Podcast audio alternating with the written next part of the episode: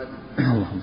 قال الإمام مسلم رحمه الله تعالى حدثني محمد بن عبيد الغباري وأبو كامل الجهدري وأحمد بن عبدة قالوا حدثني.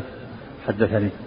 حدثني محمد بن عبيد الغباري وأبو كامل الجحدري وأحمد بن عبدة قالوا حدثنا حماد بن زيد عن مطر عن مطر عن عبد الله بن بريدة عن يحيى بن يعمر قال لما تكلم معبد بما تكلم به في شأن القدر أنكرنا ذلك.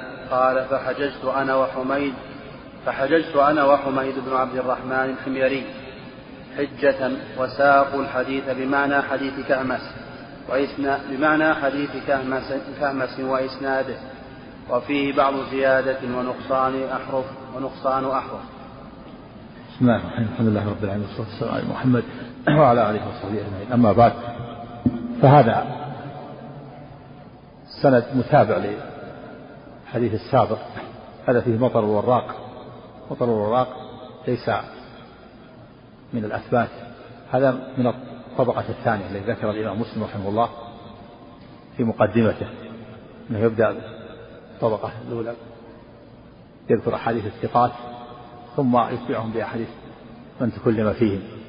كمطر الوراق هذا من الطائفة الثانية أتى به المؤلف رحمه الله الإمام مسلم من باب المتابعة والتقوية وإلا فالعمدة على الحديث السابق حديث عمر. نعم. وحدثني محمد بن حاتم حدثنا يحيى بن سعيد قطان حدثنا عثمان بن زياد حدثنا عبد الله بن بريدة عن يحيى بن يعمر وحميد بن عبد الرحمن قال لقينا عبد الله بن عمر رضي الله عنهما فذكرنا, فذكرنا القدر. فذكرنا القدر وما يقولون فيه فاقتص الحديث كنحو حديثهم عن عمر رضي الله عنه عن النبي صلى الله عليه وسلم. وفيه شيء من زيادة وقد وقد نقص منه شيئا. وحدثني وهذا الفائدة من جمع الطرق. جمع الطرق في مكان واحد. يظهر فيه الزيادة والنقصان توضيح ما خفي. يكون في بعض الطرق زيادة بعضها نقص بعضها توضيح بعض تسمية من لم يسمى. هذه من فوائد جمع الطرق. ولهذا الإمام مسلم رحمه الله فاق على البخاري في هذه في الصنعة في الصنعة الحديثية. حيث أنه يجمع طرق الحديث في مكان واحد. فإذا جمع في مكان واحد تبين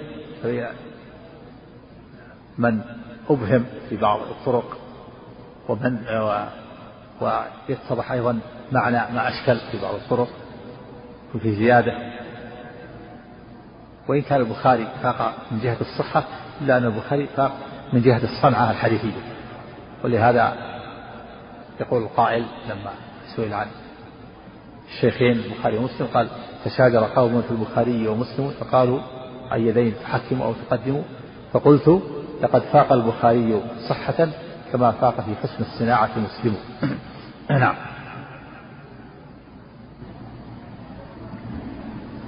وحدثني حجاج بن الشاعر حدثنا يونس بن محمد حدثنا المعتمر عن أبي يعني يحيى بن يعمر عن ابن عمر عن عمر رضي الله عنه عن النبي صلى الله عليه وسلم بنحو حديثهم. وحدثنا أبو بكر بن أبي شيبة وزهير بن حرب جميعا عن ابن علية. قال زهير حدثنا إسماعيل بن إبراهيم عن أبي حيان عن أبي زرعة بن عمرو بن جرير. عن أبي زرعة بن عمرو بن جرير عن أبي هريرة رضي الله عنه قال كان رسول الله صلى الله عليه وسلم يوما بارزا للناس. فأتاه رجل فقال يا رسول الله ما الإيمان؟ قال أن تؤمن بالله وملائكته وكتابه ولقائه ورسله وتؤمن بالبعث الآخر. قال يا رسول الله ما الإسلام؟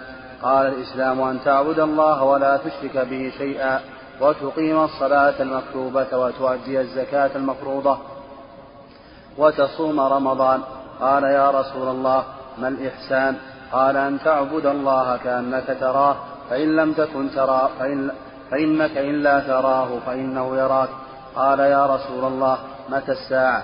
قال ما المسؤول عنها بأعلم من السائل ولكن سأحدثك عن أشراطها. إذا ولدت الأمة ربها فذاك من أشراطها. وإذا كانت المرأة وإذا كانت العراة حفاة رؤوس الناس فذاك من أشراطها. وإذا تطاول رعاء, رعاء البهم في البنيان فذاك من أشراطها.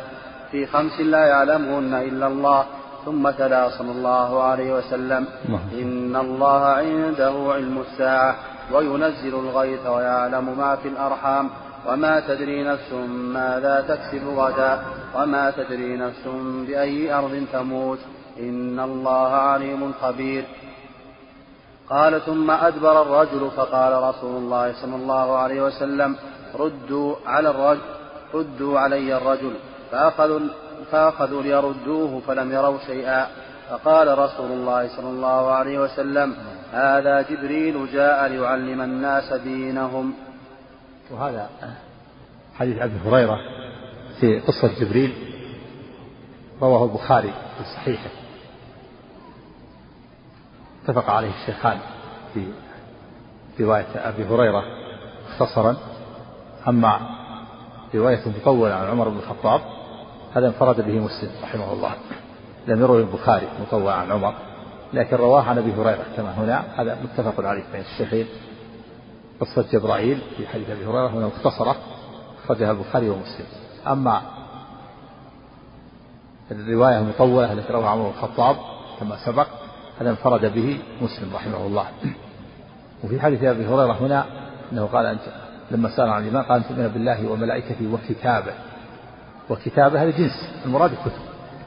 لأن يعني المفرد إذا أضيف يفيد الجنس. معنى كتابه ومعنى كتبه. حديث حديث عمر أن تؤمن بالله وملائكته وكتبه. هنا قال أن تؤمن بالله وملائكته وكتابه. جنس. يعني جنس الكتب. ولقائه. وفي ذلك ولقائه. والبعث واليوم الآخر يوم القيامة. سمي اليوم الآخر يقابل اليوم الأول. الدنيا هي اليوم الأول والآخرة هي اليوم الآخر. هما يومان. الدنيا يوم والآخرة يوم.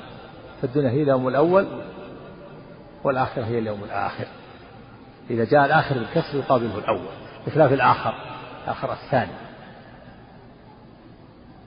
وفيه رواية أبي هريرة أنه لما سأله عليه السلام قال أن تعبد الله ولا تشرك به شيئا.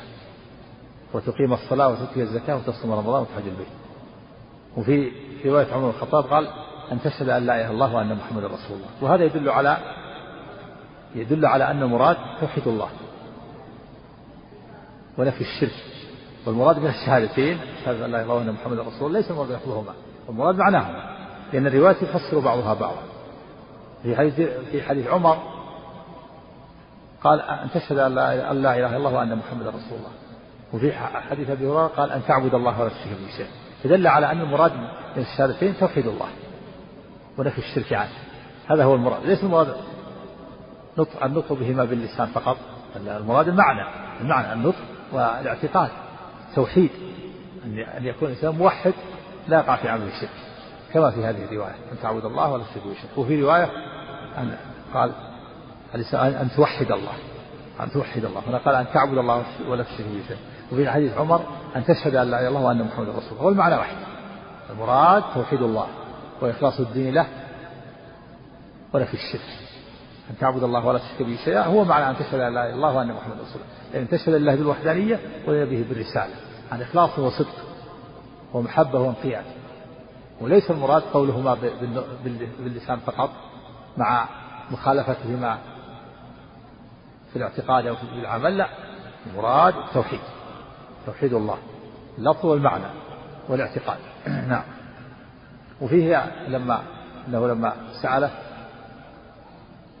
عن الساعة قال أخبرك عن أمارتي أن تلد الأمة ربها يعني بعلها. في الرواية في عمر ربتها. يعني تلد ربها سبق أن معنى ربها بمعنى سيدها أو بمعنى زوجها أو بمعنى ابن سيدها. البعل يطلق على الزوج. أن تلد الأمة ربتها ربها يعني بعلها. تلد الأمة زوجها. كيف ذلك؟ فسر العلماء هذا بأنه تكثر السرائي والإماء ويتبادلهن الناس حتى أن الإنسان يتسر الأمة فتلد منه ثم يبيعها ولا تزال تتداول تتداول الأيدي حتى ترجع إلى إلى ابنها وهو لا يعلم أنها أمه ويتزوجها فتكون الأمة ولدت زوجها. هذا على تفسير أن المراد بالبعل الزوج. وفي المراد بالبعل السيد يعني تلد سيدها مالكها. بمعنى أن الإماء يلدن الملوك. فيكون ولدها هو سيدها يملكها هو سيدها. هو الملك على أمه وعلى غير أمه. لأن ابن الملك ملك يكون ملك بعد أبيه. وقيل المعنى المراد بعلها ابن ابن بعلها ابن بعلها ابن سيدها. فتلد الأمة من الملك ابنا له وابنها ابن الملك كالسيد كالملك. فتكون المرأة ولدت ولدت ابن ابن بعلها ابن سيدها. أو ولدت سيدها لأنه سيكون ملكا فيما بعد أو ولد زوجها على خلاف الروايات. وفيه أن أنه ذكر أن ترى الحفاة العراة العالة رعاء البهم يتطاولون في البنيان. هذه هذا بعض الأشرار. وجاء في النصوص الأخرى بقية الأشرار. وفيه أنه قال في خمس لا يعلمهن إلا الله. ثم قرأ النبي صلى الله عليه وسلم هذه الآية آية لقمان إن الله عنده علم الساعة وينزل الغيب ويعلم ما في الأرحام وما تدري نفس ماذا تكسب غدا وما تدري نفس بأي أرض تموت إن الله عليم هذه مفاتيح الغيب. مفاتيح الغيب خمس لا يعلمها إلا الله. لا يعلم علم الساعة إلا الله. لا يعلم متى ينزل الغيث إلا الله. لا يعلم ما في الأرحام إلا الله. لا يعلم ما تدري ماذا تكسبه ما يكسبه الإنسان غدا إلا الله. لا تدري نفس بأي أرض تموت إلا الله. هذه مفاتيح الغيب. قال تعالى وعنده مفاتيح الغيب لا يعلمها إلا هو. نعم. بهذا الإسناد. حدثنا أبو حيان التيمي بهذا الإسناد مثله. حدثنا غير أن في روايته حدثنا إيش؟ حدثنا محمد بن عبد الله بن نمير. نعم. حدثنا محمد بن بشر. حدثنا أبو حيان التيمي بهذا الإسناد مثله. غير أن في روايته إذا ولدت الأمة بعلها يعني السراري. يعني الأمة يعني السراري السراري تكثر السراري حتى تلد الأمة بعلها نعم. حدثني زهير بن حرب حدثنا جرير عن عمارة وهو ابن القعقاع عن أبي زرعة عن أبي هريرة رضي الله عنه قال قال رسول الله صلى الله عليه وسلم سلوني فهابوا فهابوه أن يسألوه. إيه، عن أبي هريرة.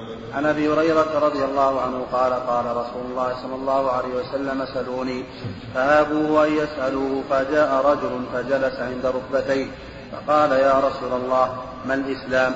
قال لا تشرك لا تشرك بالله شيئا وتقيم الصلاة وتؤتي الزكاة وتصوم رمضان. قال صدق. قال يا رسول الله ما الإيمان؟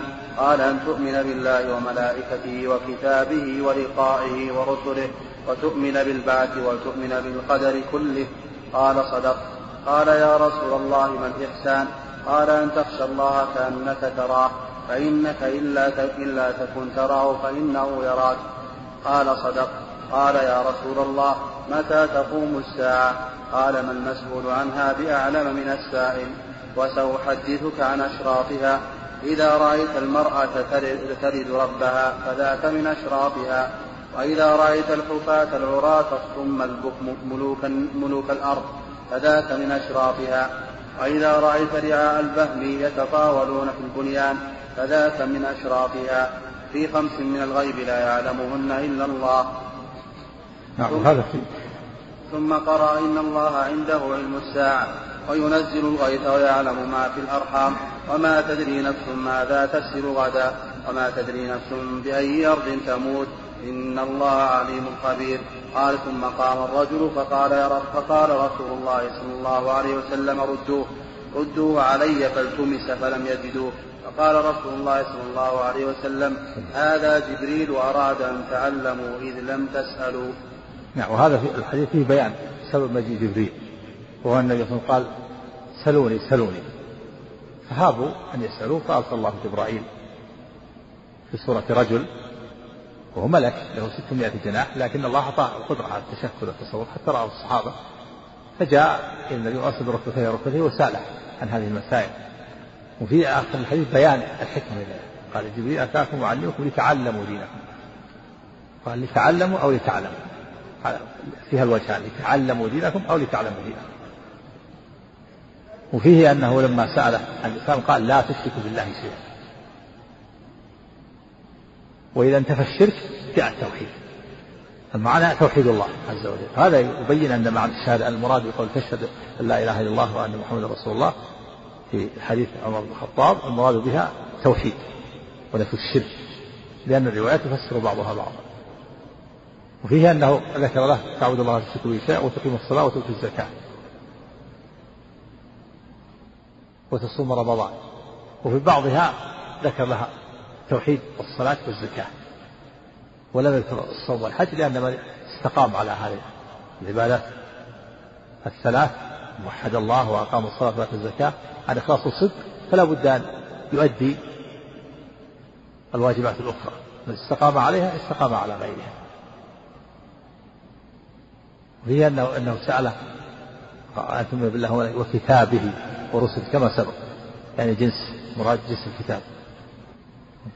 قال على قول وإذا رأيت الحفاظ العراة الصم البكر دعاء الناس. تكلم عليها في الشارع الحديث الأول أول. ها.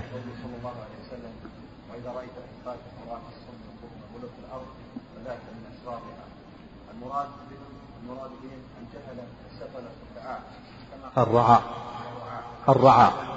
هذه سفلة الرعاء المراد بهم أن جهل السفلة الرعاء كما قال سبحانه وتعالى صم بكم عمي أي لما لم ينتفعوا بجوارحهم هذه فكأنهم عدموها. عدم نعم.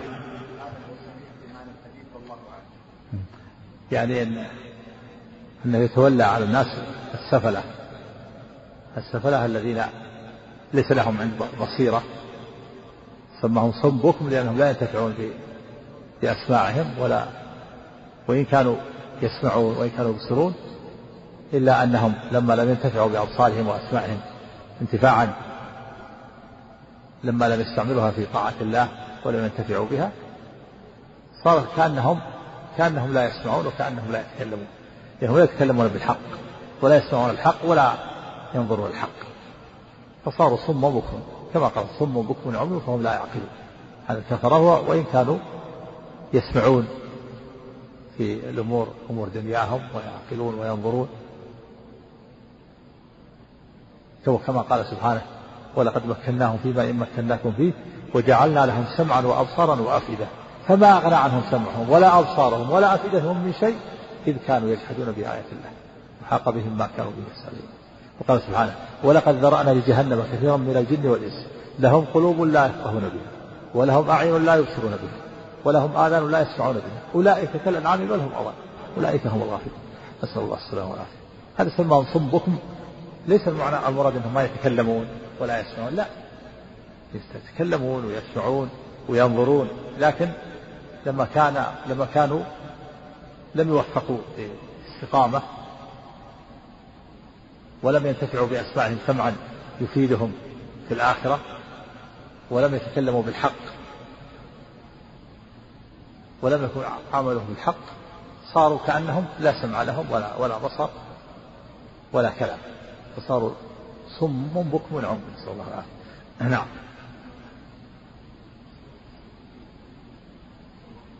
نعم. نعم. روح. لا القصة واحدة. قصة واحدة لكن أطول ما فيها حديث عمر بن الخطاب الذي فرد به مسلم. حديث عمر هذا أطول ما حديث أبي هريرة هذا اتفق عليه الشيخان في اختصار. ها؟ ما في اختلاف المعنى واحد. كل سؤال عن الإسلام وسؤال عن الإيمان سؤال عن الإحسان وسؤال عن الساعة وسؤال عن الامارات اختلاف في الالفاظ وكتابه وكتبه المعنى واحد. الرواية بالمعنى جائزة على الصحيح. إذا لم تغير المعنى. إشكال. قال وقد اجاب القاضي عياض رحمه الله عنها بجواب الروايات. لخصه الشيخ أبو عمرو بن صلاح رحمه الله تعالى وكتبه فقال ليس هذا باختلاف صادر من رسول الله صلى الله عليه وسلم بل هو من تفاوت الرواة في الحفظ والضبط فمنهم من قصر فاقتصر على ما حفظه فأداه ولم يتعرض لما زاده غيره بنفي ولا إثبات. وإن كان اقتصاره على ذلك يشعر بأنه الكل. إيش؟ أو قد أجاب أو قد أجاب القاضي عياض. نعم. وقد أجاب القاضي عياض وغيره رحمه الله عنها بجواب لخصه الشيخ أبو عمرو بن الصلاح رحمه الله تعالى وهذبه فقال السؤال الطويل الذي ذكره عندك الإشكال جنب الحديث قال تتفاوت هذا الحديث في عدد اتصال الإيمان زيادة ونقصا إثباتا وحذفا. فأجاب وقد أجاب القاضي عياض وغيره رحمه الله عنها بجواب لخصه الشيخ أبو عمرو بن الصلاح رحمه الله وهذبه فقال ليس هذا باختلاف صادر من رسول الله صلى الله عليه وسلم بل هو من تفاوت الرواة في الحفظ والضبط فمنهم من قصر فاقتصر على ما حفظه فأداه ولم يتعرض لما زاده غيره بنفي ولا إثبات وإن كان اقتصاره عن ذلك يشعر بأنه الكل فقد بان بما أتى به غيره من الثقات من الثقات أن ذلك ليس بالكل وأن اقتصاره عليه كان لقصور حفظه عن تمامه ألا ترى حديث النعمان بن قوقل الآتي قريبا اختلفت رواياته في اختصاره بالزيادة والنقصان مع أن راوي الجميع راو واحد وهو جابر بن عبد الله رضي الله عنهما في قضية واحدة ثم إن ذلك ثم إن ذلك لا يمنع من إيراد الجميع في الصحيح لما عرف في مسألة زيادة الثقة من أن نقبلها هذا آخر كلام الشيخ وهو تقرير حسن الله عنه. هذا النووي ذا؟ نعم. نعم صح حسن. نعم. سأل عن الإسلام ثم قال أن تؤمن بالله. لا هذا في حديث بن قيس كما سيأتي. سأل عن الإيمان قال أسألكم تدرون ما الإيمان. أمركم بالإيمان بالله هذا تدرون ما الإيمان شهادة لا إله إلا الله. هذا في حديث بن قيس يفسر الإسلام الإيمان بالأعمال. هنا؟ ما ما أعرف. نعم. نعم. حدثنا قتيبة بن سعيد بن جميل بن جميل بن طريف ابن عبد الله الثقفي عن مالك بن أنس فيما قرئ عليه عن أبي سهيل عن أبيه أنه سمع طلحة بن عبيد الله يقول جاء رجل إلى رسول طلحة. أنه سمع طلحة بن عبيد الله رضي الله عنه يقول جاء رجل إلى رسول الله صلى الله عليه وسلم من أهل نجد ثائر الرأس نسمع دوي صوته ولا نفقه ما يقول. حتى دنا من رسول الله صلى الله عليه وسلم. فإذا هو يسأل عن الإسلام فقال رسول الله صلى الله عليه وسلم خمس صلوات في اليوم والليلة. فقال هل علي غير غيرهن؟ قال لا إلا أن تطوع. وصيام شهر رمضان. فقال هل علي غيره؟ فقال لا إلا أن تطوع. وذكر له رسول الله صلى الله عليه وسلم الزكاة. فقال هل علي غيرها؟ قال لا إلا أن تطوع. قال فأدبر الرجل وهو يقول والله لا أزيد على هذا ولا أنقص منه. فقال رسول الله صلى الله عليه وسلم أفلح إن صدق. نعم هذا فيه أنه سأله عما أوجب الله عليه فذكر له الصلاة والزكاة والصيام. وفيه أنه قال الصلاة قال خمس صلوات في اليوم والليلة. فقال هل علي غيرها؟ قال لا إلا أن تطوع. استدل به العلماء على أن في النفس ليست واجبة فقال هل علي غيرها؟ قال لا إلا أن تطوع. استدل به العلماء على أن في النفس ليست واجبة لأنها استدل به الجمهور لأنها زائدة عن خمس خمس صلوات كتبها فليس وليس منها تحية المسجد. فدل على أنها مستحبة. وإذا هذا ذهب جمهور العلماء وذهب الظاهرية إلى أنها واجبة تحية المسجد لأنها لها سبب. والرسول ذكر الواجبات اليومية ولم يتعرض للواجبات بأسباب. وكذلك ما استدل به على أن صلاة العيد ليست واجبة وإنما مستحبة. والصواب أنها الذي ذهب إلى الجمهور أنها فرض كفاية والصواب أنها فرض عين لأنها فريضة السنة. لما جاء فيها من النصوص ولهذا أمر النبي صلى الله عليه وسلم بإخراج النساء والعواتق والحيض دل على أنها فرض. فلما سألت المرأة قالت إحدانا لا تجد لها جلبابا قال تلبسها اخصوها من جلبابها ولتشهد الخير ودعوة المسلمين. وكذلك استدل به على أنها على أن صيام عاشوراء ليس بواجب لأن النبي أخبره أنه لا يجب إلا صوم رمضان. وكذلك أيضا استدل به على أن على أن الوتر ليس بواجب. لأنه لأنه زائد عن الصلوات الخمس. وإلى هذا ذهب الجمهور وهو الصواب. واستدل البخاري على ذلك كما سيأتي بأن النبي صلى الله عليه وسلم كان يصلي الوتر على راحلته. وأما الفريضة فإنه ينزل ويصلي بالأرض. فدل على أن الوتر ليس بواجب. وذهب الإمام أبو حنيفة وجماعة إلى أن الوتر واجب وأنه فرض. لكن الصواب أنه مستحب. نعم. ليس واجب لكنه سنة مؤكدة نعم. لأن للأوامر التي جاءت أمر النبي بحضورها وإخراج النساء ذوات العواتق وذوات الخدور والحيض. هذا يدل على على على, على أهميتها يعني من أهميتها وفرضيتها حتى حتى النساء أمرنا بالخروج وحتى المرأة إذا لم تجد جلبابا تلبسها أختها من جلبابها. وحتى العواتق وذوات الخدور ويعتزل الحيض والمصلى يشهد الخيل يعني هذا يدل على أهميتها وين الحديث؟ يوجه على هذه الصلوات الخمس في كل يوم وليلة. هذه هذه الصلوات الواجبة اليومية. ولا ينافي أن تجب فريضة سنوية. الفريضة السنوية لها أدلتها نعم حدثني يحيى بن أيوب وقتيبة بن سعيد جميعا عن إسماعيل بن إسماعيل بن جعفر عن أبي سهيل عن أبي عن طلحة بن عبيد الله رضي الله عنه عن النبي صلى الله عليه وسلم بهذا الحديث نحو حديث مالك غير أنه قال فقال رسول الله صلى الله عليه وسلم أفلح وأبيه ان صدق أو دخل الجنة وأبيه ان صدق. قوله افلح وابيه هذه فيها إشكال وهو أن نهى عن الحلف بغير الله هنا حلف بغير الله. فكيف ذلك؟ قد أفلح وأبيه صدق. اختلف العلماء في هذه اللفظة. فمن العلماء من قال إن هذه اللفظة جرت مما يجري على اللسان بغير قصد. ليس المقصود منها الحلف. كقوله صلى الله عليه وسلم عقرى حلقة. دعاء لكن لا يراد به. وقل تربت يداك. وقل ثكلتك أمك يا معاذ. فكذلك كان فقدتك أمك يعان عليه بأن تفقده أمه لكن ليس المراد المعنى. المراد يجري على اللسان بغير قصد يقصد بها الحث على الشيء ترغيب الشيء. عقر حلقة كذلك أيضا أفلح وأبي صدق يقصد ليس المقصود منها الحلف وقال آخرون إنها تصحفت على الراوي. أراد الراوي أن يقول أفلح والله إن صدق فتصحفت عليه فقال أفلح وأبيه صدق وقال آخرون إن هذا قبل النهي. هذا صحيح هذا قصد الرسول حلف بأبيه هذا قبل أن ينهى. كان في أول الإسلام كان الناس يحلفون بآبائهم. ثم جاء النهي وهذا هو الصواب. الصواب أن هذا قبل النهي. كانوا في أول الإسلام يحلفون بآبائهم كما قال كما في حديث عمر النبي جاء النبي إلى عمر فيحلف بأبيه فقال فناداه قال لا تحلفوا بآبائكم ولا بالأنداد. فمن كان حالفا فليحلف بالله أو ليصمت فهذا قبل النهي. ثم بعد ذلك نهى الله عن الحلف بالآباء. كما كانوا في الأول يقول ما شاء الله وشاء محمد ثم جاء النهي فقال لا تقولوا ما شاء الله وشاء محمد ولا تقولوا ما شاء الله ثم شاء أقول ما شاء الله وحده. نعم. لا الفرائض تختلف.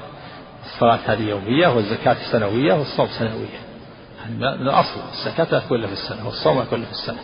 هذه فريضة السنة وهذه فريضة. فريضة اليوم والليلة. كل كل ركن له فرضية. الصلوات في اليوم والليلة والزكاة فريضة سنوية والصوم فريضة سنوية.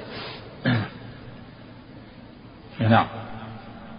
حدثني عمرو بن محمد بن بكير الناقد. حدثنا هاشم بن القاسم أبو النضر. حدثنا سليمان بن المغيرة عن ثابت عن أنس بن مالك رضي الله عنه قال نهينا أن نسأل رسول الله صلى الله عليه وسلم عن شيء فكان يعجبنا أن يجيء الرجل من أهل البادية العاقل فيسأله ونحن نسمع. حتى يستفيدون. يعني كان الصحابة يهابون الرسول صلى الله عليه وسلم. كان ونهوا أن يرفعوا أصواتهم صوت النبي ونهوا أن يسألوا فكانوا يهابون أن يسألوا النبي فيعجبهم يتمنون أن يأتي واحد من البادية حتى يسأل فيستمعون ويستفيدون. فجاء هذا الرجل النعمان بن قوقل وسأل النبي هذه المسائل فاستفادوا الصحابة كانوا يهابون كانوا يجلون النبي صلى الله عليه وسلم ويهابون من كثرة المسائل. منهم من لا من لا يرفع طرفه للنبي صلى الله عليه وسلم حتى إنهم كانوا حتى إن بعضهم قال إني ما أستطيع أن أصل وصفا كامل من إجلاله لا يحدق النظر فيه عليه الصلاة والسلام من إجلالهم له. وهيبتهم. عليه له عليه الصلاة والسلام. فإذا جاء رجل من البادية جاء أعرابي ما يهاب ليس عنده من الإجلال مثل ما عند الصحابة رضي الله فيأتي ويسأل عن كل شيء يسأل عن جميع ما في نفسه. ولهذا جاء قال يأتي الرجل الأعرابي فيقول أيكم ابن عبد المطلب؟ ما يعرف الرسول عليه الصلاة والسلام. هذا على أنه ليس له شيء مكان شيء متميز عن غيره. فيشيرون إليه. فيقول ابن عبد المطلب فيقول أجبتك. يقول إني سائل عليك ومشدد عليك في المسألة فلا تجل علي في نفسك. فيقول سلم بذلك ثم يسأل فيستفيد الصحابة. نعم. الله قال نهينا أن نسأل رسول الله صلى الله عليه وسلم عن شيء فكان يعجبنا فكان يعجبنا أن يجيء الرجل من أهل البادية العاقل فيسأله ونحن نسمع. فجاء رجل من أهل البادية فقال يا محمد أتانا رسولك فزعم لنا أنك تزعم أن الله أرسلك. قال صدق. قال فمن خلق السماء؟ قال الله. قال فمن خلق الأرض؟ قال الله. قال فمن نصب هذه الجبال وجعل فيها ما جعل؟ قال الله. قال فبالذي خلق السماء وخلق السماء وخلق الأرض ونصب هذه الجبال؟ آه الله أرسلك. قال نعم. قال وزعم رسولك أن علينا خمس صلوات في يومنا وليلتنا. قال صدق. قال فبالذي أرسلك؟ آه الله أمرك بهذا. قال نعم. قال وزعم رسولك أن علينا زكاة زكاة في أموالنا. قال صدق. قال فبالذي أرسلك؟ آه الله أمرك بهذا. قال نعم. قال وزعم رسولك أن علينا صوم شهر رمضان في سنتنا. قال صدق. قال فبالذي أرسلك؟ آه الله أمرك بهذا. قال نعم. قال وزعم رسولك أن علينا حج البيت من استطاع إليه سبيلا. قال صدق. قال ثم ولى. ثم ولى. قال والذي بعثك بالحق. لا أزيد عليهن ولا أنقص منهن. فقال النبي صلى الله عليه وسلم لئن صدق ليدخلن الجنة. وهذا فيه أسئلة عظيمة من هذا السائل في أنه جاء النبي قال زعم رسولك أن الله أرسلك قال صدق. زعم تطلق الزعم يطلق على القول المحقق. يقال الزعم ويطلق على القول المكذوب. يقول زعم الذين كفروا أن لن يبعثوا. هذا كذب. يعني كذبوا في أنهم أن لا يبعثوا. زعم الذين كفروا أن لا يبعثوا. قل بلى وربنا ويطلق الزعم على القول المشكوك فيه. وهنا مراد السائل قول يقول زعم رسولك يعني قال رسولك. قال رسولك إن الله أنصر قال النبي صدق. قال له من خلق السماء؟ قال الأرض. قال, قال الله. قال من خلق الأرض؟ قال الله. قال من نصب الجبال؟ قال الله. قال فبالذي خلق السماء والأرض ونصب الجبال. آه الله أرسلك حلف. من باب التثبيت. قال النبي صلى الله عليه وسلم نعم. قال وزعم رسولك أن الله فرض علينا في اليوم والليل خمس صلوات. قال صدق. قال الله أمرك بهذا؟ قال لا. قال زعم رسولك أن الله فرض علينا زكاة. قال صدق قال وزعم رسولك أن الله فرض علينا صوم الشهر. ثم ذكر الحج. ثم ولى وهو يقول والله لا أزيد على هذا ولا أنقص منه.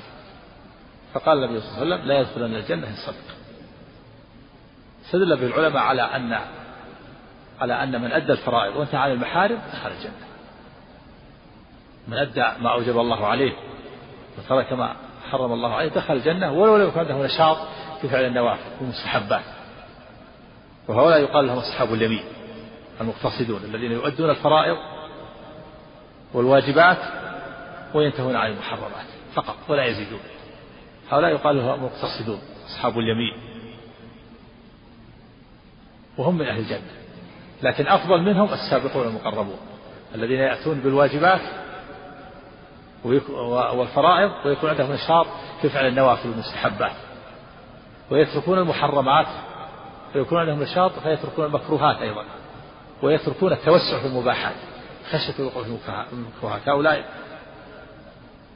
يقال لهم السابقون المقربون. وهناك صنف ثالث أقل من المقتصر من المقتصرين وهم الظالمون لأنفسهم.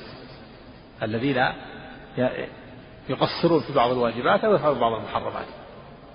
موحدون مؤمنون ما عندهم شرك لكن قصروا في بعض الواجبات أو فعلوا بعض المحرمات هم ظالمون لأنفسهم. وكل هؤلاء من أصحاب الجنة. كلهم ممن اصطفاهم الله.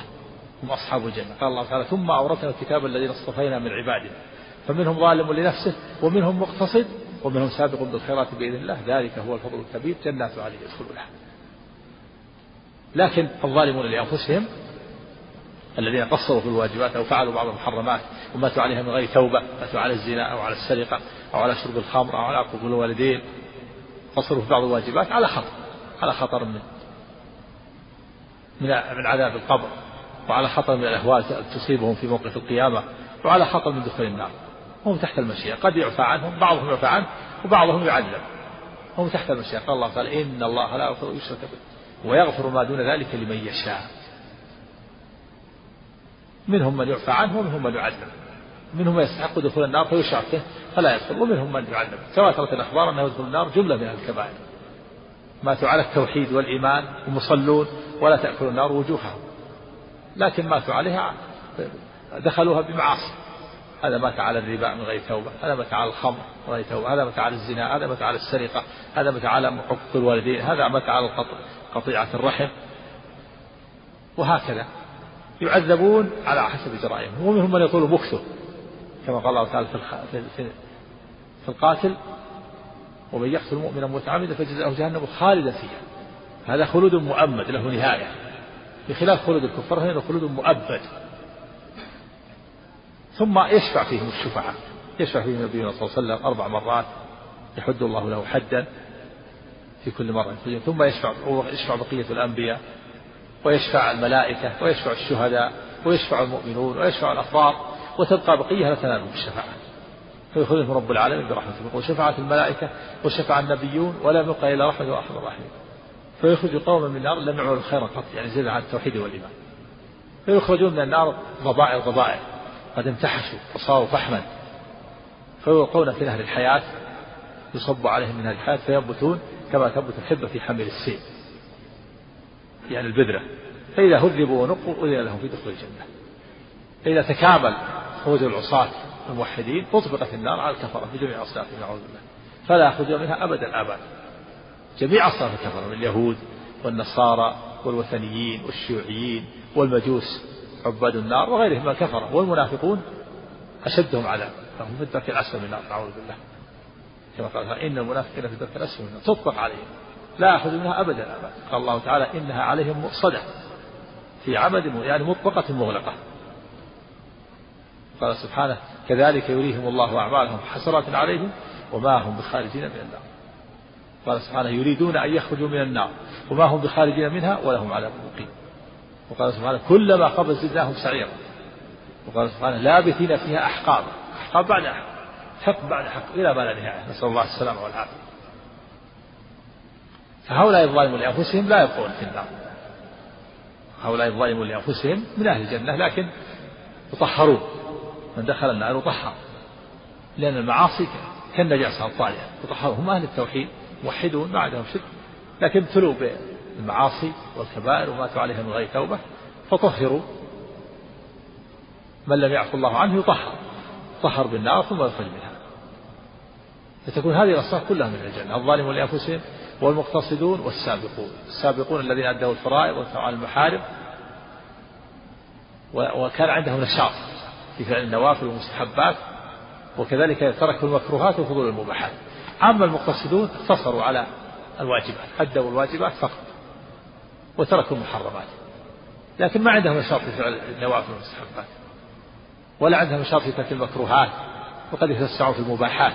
أما الظالم لأنفسهم فهم تناولوا شيئا من المحرمات. فعلوا شيئا من المحرمات قصروا في الواجبات. والصنف الرابع أهل النار. هم أصحاب المشأمة. ذكر الله تعالى هذه الأصناف. ذكر الله في سورة الواقعة ثلاث أصناف.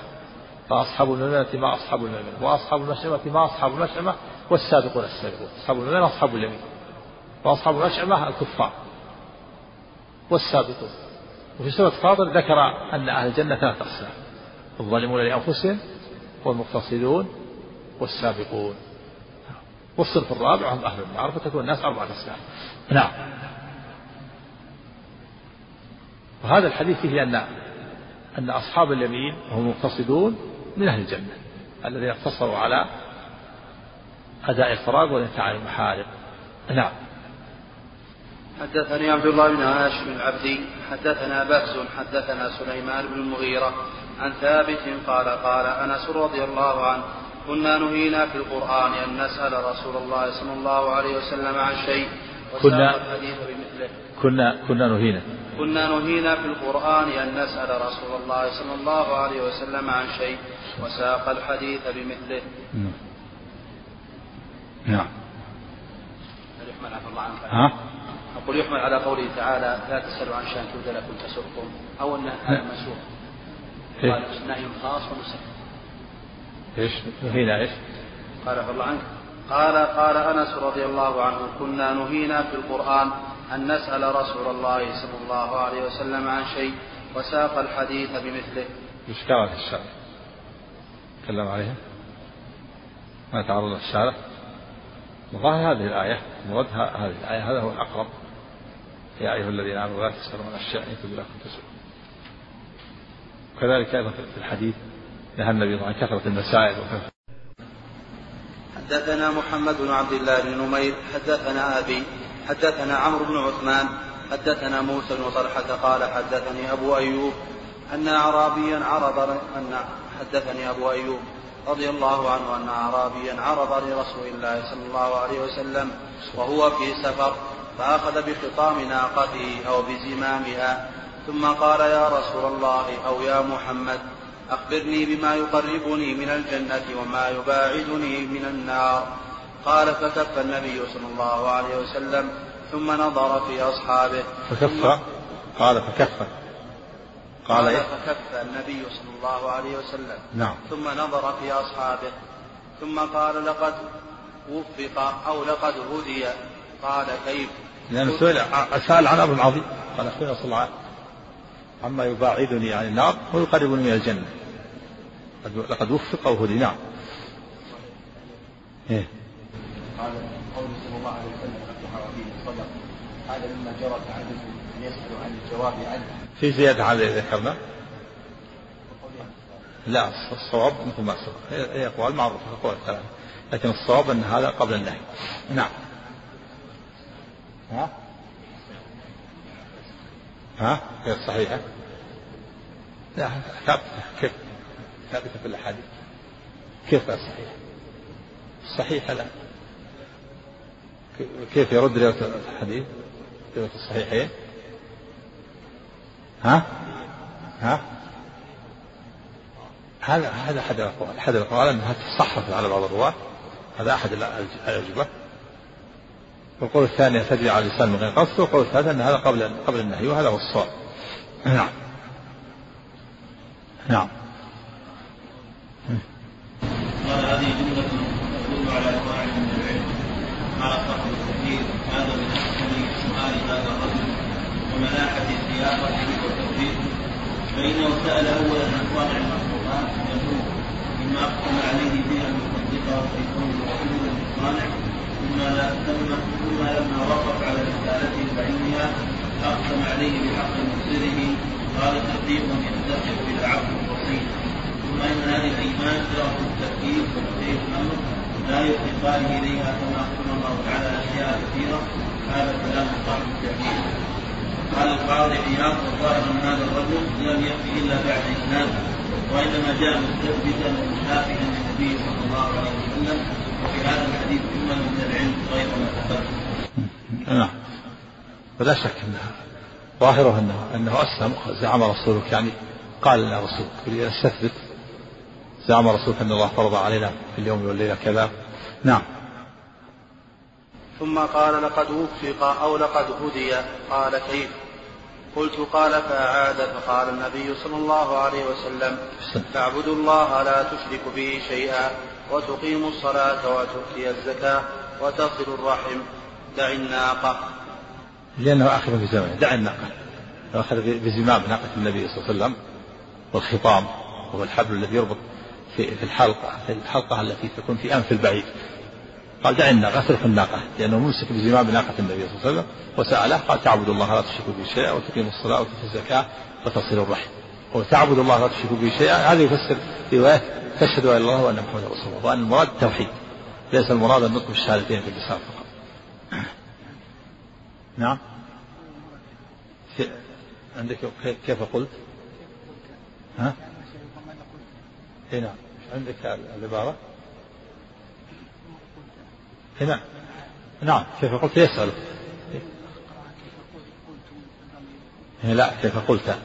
كيف قلت؟ بضمير المخاطب نعم. نعم. ها؟ يعني التوفيق نعمة دينية امتن الله بها على المؤمن.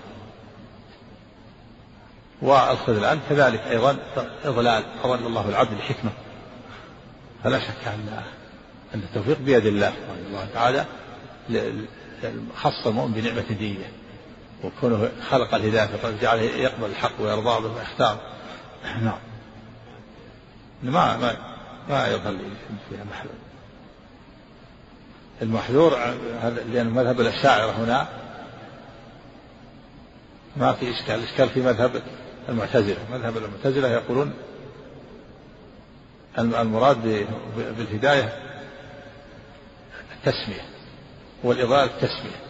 ينكرون أن يكون لله نعمة دينية خاصة بها الأمة. وأما الأشاعرة يوافقون هنا لأنهم يرون لأنهم يرون أن الله تعالى هو الخالق للعباد ولأفعاله نعم. حدثنا يحيى بن يحيى التميمي أخبرنا أبو الأحوص حاء وحدثنا أبو بكر بن أبي شيبة حدثنا أبو الأحوص عن أبي إسحاق عن موسى بن طلحة عن أبي أيوب رضي الله عنه قال جاء رجل إلى النبي صلى الله عليه وسلم فقال دلني على عمل أعمله أعمله يدنيني من الجنة ويباعدني من النار. قال تعبد الله لا تشرك به شيئا وتقيم الصلاة وتؤتي الزكاة وتصل ذا رحمك. فلما أدبر قال رسول الله صلى الله عليه وسلم إن تمسك بما أمر به دخل الجنة. وفي رواية وفي رواية أبي شيبة إن تمسك به. نعم. لأنه يكون من المقتصدين. إن تمسك أدى ما عليه أدى الواجبات بتاع المحرمات دخل. يكون من أصحاب اليمين. نعم. وحدثني أبو بكر أبو بكر بن إسحاق حدثنا عفان لأن الله تعالى لم يجب على الإنسان أكثر من الواجبات. من أدى الواجبات وانتهى المحرمات فقد دخل الجنة لأدى ما عليه. نعم. وحدثني أبو بكر بن إسحاق حدثنا عفان حدثنا وهيب حدثنا يحيى بن سعيد عن أبي زرعة عن أبي هريرة رضي الله عنه أن أعرابيا جاء إلى رسول الله صلى الله عليه وسلم فقال يا رسول الله دلني على عمل إذا عملته دخلت الجنة. قال تعبد الله لا تشرك به شيئا وتقيم الصلاة المكتوبة وتؤدي الزكاة المفروضة وتصوم رمضان. قال والذي نفسي بيده لا أزيد على هذا شيئا أبدا ولا أنقص, ولا أنقص منه. فلما ولى قال النبي صلى الله عليه وسلم من سره أن ينظر إلى رجل من أهل الجنة فلينظر إلى هذا. نعم. هذا دليل على أن هذا الرجل التزم. بما أدى عليه هذا الحديث عن أبي هريرة عندك الآن؟ اي نعم ها؟ أبي هريرة قال إيش؟ جاء رجل. أن أعرابيا جاء إلى رسول الله نعم. صلى الله عليه وسلم. النبي من سره أن ينظر إلى رجل فينظر لهذا دليل على أن هذا الرجل التزم وأن أدى ما عليه. وظاهره أن أنها شهادة له بالجنة. إيش قال الشارع عليه؟ تكلم عليه النووي. من سره أن ينظر إلى رجل من الجنة فلينظر إلى هذا. هذا هو الظاهر نعم. ظاهر أن, أن هذا الرجل التزم وأن النبي قال هذا بوحي من الله. قال سره أن ينظر إلى رجل من فلينظر إلى هذا أن هذا الرجل التزم بما قاله وفيه شهادة له بالجنة. وهو دليل على أن أصحاب اليمين مقتصدين من أهل الجنة من أول واحد. الذين يؤدون ما أوجب الله عليهم وينتهون عما حرم الله عليهم. نعم. سأل عن إيش؟ السؤال قال سيسأل عن الإسلام. دلني على شيء من الجنة يبعد من النار. نعم. قال. من ما سأل عن كان الإسلام؟ سأل عن عن الشيء الذي يدخله الجنة ويبعده من النار وصلة الرحم. لا شك أنها من أسباب دخول الجنة. نعم. حدثنا أبو بكر بن أبي شيبة وأبو كريب واللفظ لأبي كريب قال حدثنا أبو معاوية عن الأعمش عن أبي سفيان عن جابر رضي الله عنه قال أتى النبي صلى الله عليه وسلم النعمان بن قوقل فقال يا رسول الله أرأيت إذا صليت المكتوبة وحرمت الحرام وأحللت الحلال أدخل الجنة؟ فقال النبي صلى الله عليه وسلم نعم. هذا في فوائد جمع الطرق في تسمية الرجل وأنه النعمان بن قوقل قال يا رسول الله أرأيت إذا صليت المكتوبة وأحللت الحلال وحرمت الحرام دخلت الجنة. يدخل في إحلال تحريم الحرام وإحلال الحلال أداء الواجبات كلها والانتهاء المحال. مثلا أداء الزكاة وأداء الصوم هذا كله من إيش؟ من إحلال الحلال. وأداء ما أوجب الله عليه وانتهاء عما حرم الله كل هذا داخل في إحلال الحلال وتحليل الحرام. نعم. وحدثني حجاج بن الشاعر والقاسم بن زكريا قال حدثنا عبيد الله بن موسى عن شيبان عن الأعمش عن أبي صالح وأبي سفيان عن جابر رضي الله عنه قال قال النعمان بن قوقل رضي الله عنه يا رسول الله بمثله وزاد فيه ولم أزد على ذلك شيئا. وحدثني سلمة بن شبيب حدثنا الحسن بن أعين حدثنا معقل وهو ابن عبيد الله عن أبي الزبير عن جابر رضي الله عنه أن رجلا سأل رسول الله صلى الله عليه وسلم فقال أرأيت إذا صليت الصلوات المكتوبات؟ وصمت رمضان. وأحللت الحلال وحرمت الحرام ولم أزد على ذلك شيئا. أدخل الجنة؟ قال نعم. قال والله لا أزيد على ذلك شيئا. نعم. قال هذا يكون من المقتصدين. نعم. من أصحاب اليمين. قال الشيخ محمد بن صلاح رحمه الله على قوله وحرمت الحرام. يقول الظاهر أنه أراد به امرين أن يعتقده حراما وأن لا يفعل بخلاف تحليل الحلال فانه يكفي فيه مجرد اعتقاد الحلال. نعم. يعتقد أنه حرام ولا يفعل والحلال يعتقد أنه حلال ولا يلزم ان يتناول جميع الحلال. نعم. حدثنا محمد بن عبد الله بن نمير الهمداني حدثنا أبو خالد يعني سليمان بن حيان الأحمر عن أبي مالك الأشجعي عن سعد بن عبيدة عن ابن عمر رضي الله عنهما عن النبي صلى الله عليه وسلم قال بني الإسلام على خمسة. على أن يوحد الله وإقام الصلاة وإيتاء الزكاة. عن من؟ عن النعمان؟ عن ابن عمر ها؟ عن ابن عمر. عن ابن عمر نعم. عن ابن عمر رضي الله عنهما عن النبي صلى الله عليه وسلم قال بني الإسلام على خمسة على أن يوحد الله وإقام الصلاة وإيتاء الزكاة وصيام رمضان والحج. فقال رجل الحج وصيام رمضان. قال لا صيام لا قال لا صيام رمضان والحج. هكذا سمعته من رسول الله صلى الله عليه وسلم. وهذا فيه فيه أيضا بيان أركان الإسلام الخمسة واتفق عليه الشيخان ابن عمر. وفيه أنه قال لما قال بني الإسلام الخمسة على أن يوحد الله. وهذا يفسر ما جاء في حديث جبريل شهادة لا إله إلا الله وأن محمد رسول الله وأن المراد توحيد. فلو قالها بلسانه وخالفها بفعاله فوقع في عمل الشرك فلا. لا بد من التوحيد. يعني لا بد أن يشهد أن لا إله إلا الله رسول الله ينطق بها بلسانه ويلتزم بالتوحيد ويبتعد عن الشرك. لأن الرواية تفسر بعضها بعض على الواحد ولهذا قال هنا بني على أن يوحد الله. وفيه قول قوله لما قال الراوي والحج والصوم قال لا والصوم والحج. استدل به على يستدل به هذا من قال لا تجوز الرواية بالمعنى. ولهذا قد تمسك باللفظ. لكن قد يقال إن هنا المعنى مختلف لأن الصوم مقدم على الحج. هو الركن الرابع ما تكلم عليه الشارع. قال لا الحج والصوم. قال لا الصوم والحج. قال وقال رجل الحج وصيام رمضان. فقال لا صيام رمضان والحج. هكذا سمعت رسول الله صلى الله عليه وسلم؟ ثم ذكر روايه الاصوات تعرض الرواية بالمعنى الحديث بالمعنى قال ثم اختلف العلماء في إنكار ابن عمر على الرجل الذي قدم الحج مع أن ابن عمر رواه كذلك كما وقع في الطريقين المذكورين والاظهر والله أعلم أنه يحتمل أن ابن عمر سمعه من النبي صلى الله عليه وسلم مرتين. مرة بتقديم الحج ومرة بتقديم الصوم. فرواه أيضا على الوجهين في وقتين.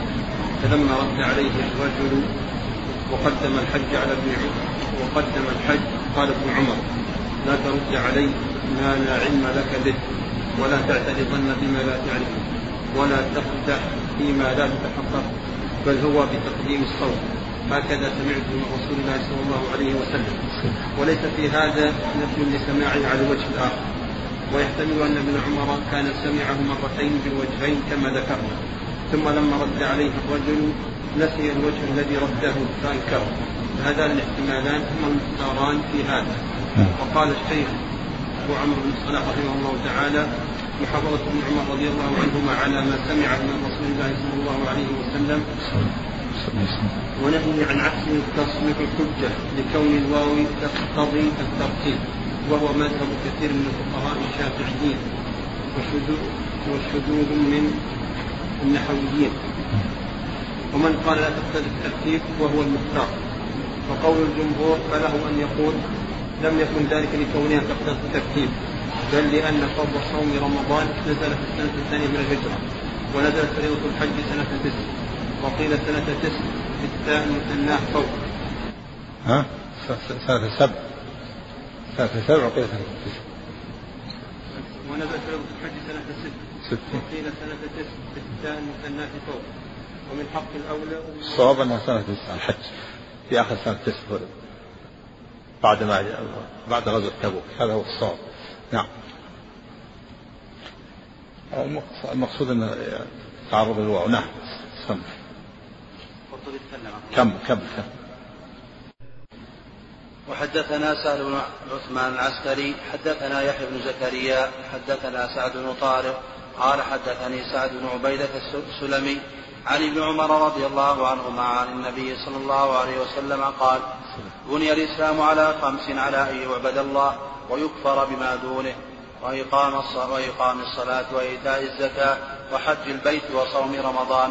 هذا في على أن يعبد الله ويكفر بما دونه. وليس على أن يوحد الله. قلت ابن عمر أن تشهد أن الله وأن محمد رسول الله. معنى واحد. مراد التوحيد. أنه في الشرك. نعم. حدثنا عبيد الله بن معاذ حدثنا أبي حدثنا عاصم وهو ابن محمد بن زيد بن عبد الله بن عمر. عن أبيه رضي الله عنهما قال قال عبد الله قال رسول الله صلى الله عليه وسلم بني الإسلام على خمس شهادة أن لا إله إلا الله وأن محمدا عبده ورسوله وإقام الصلاة وإيتاء الزكاة وحج البيت وصوم رمضان. وحدثني ابن وحدثني ابن نمير حدثنا أبي حدثنا حنظلة قال سمعت عكرم عكرمة بن خالد يحدث طاووسا أن رجلا قال لعبد الله بن عمر رضي الله عنهما ألا نغزو. فقال إني سمعت رسول الله صلى الله عليه وسلم يقول إن الإسلام بني على خمس شهادة أن لا إله إلا الله وإقام الصلاة وإيتاء الزكاة وصيام رمضان وحج البيت. يعني أن الغزو ليس من الأركان. تكلم عليه؟ قال ألا نغزو؟ ألا تغزو؟ ولا الأقرب ألا, تغزو. قال ان الرسول أخبر ان الإسلام مبني على أركان خمسة وعلى اديه الأركان الخمسة. إنه ليس من الأركان الخمسة. ولا شك أن الجهاد فرض كفاية وقد يكون واجبا. قد يكون في حالات ثلاث إذا دهم العدو البلاد أو استنفر الإمام طائفة أو بعض الناس أو وقف في الصف. في هذه الحالات يكون واجب. وإلا فهو مستحب. نعم. حدثنا خلف بن هشام حدثنا حماد بن زيد عن أبي جمرة قال سمعت ابن عباس رضي الله عنهما حاء حدثنا يحيى بن يحيى واللفظ له أخبرنا عباد بن عباد عن أبي جمرة عن ابن عباس رضي الله عنهما قال قدم وفد عبد القيس على رسول الله صلى الله عليه وسلم. كف على حديث ابن عباس؟ تكلم على قول على تغزو إيش قال؟ على تغزو